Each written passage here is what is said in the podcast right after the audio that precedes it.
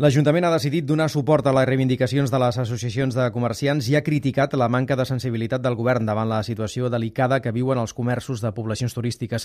A partir d'ara obriran fins a les 12 de la nit, encara que els clients no puguin accedir als establiments.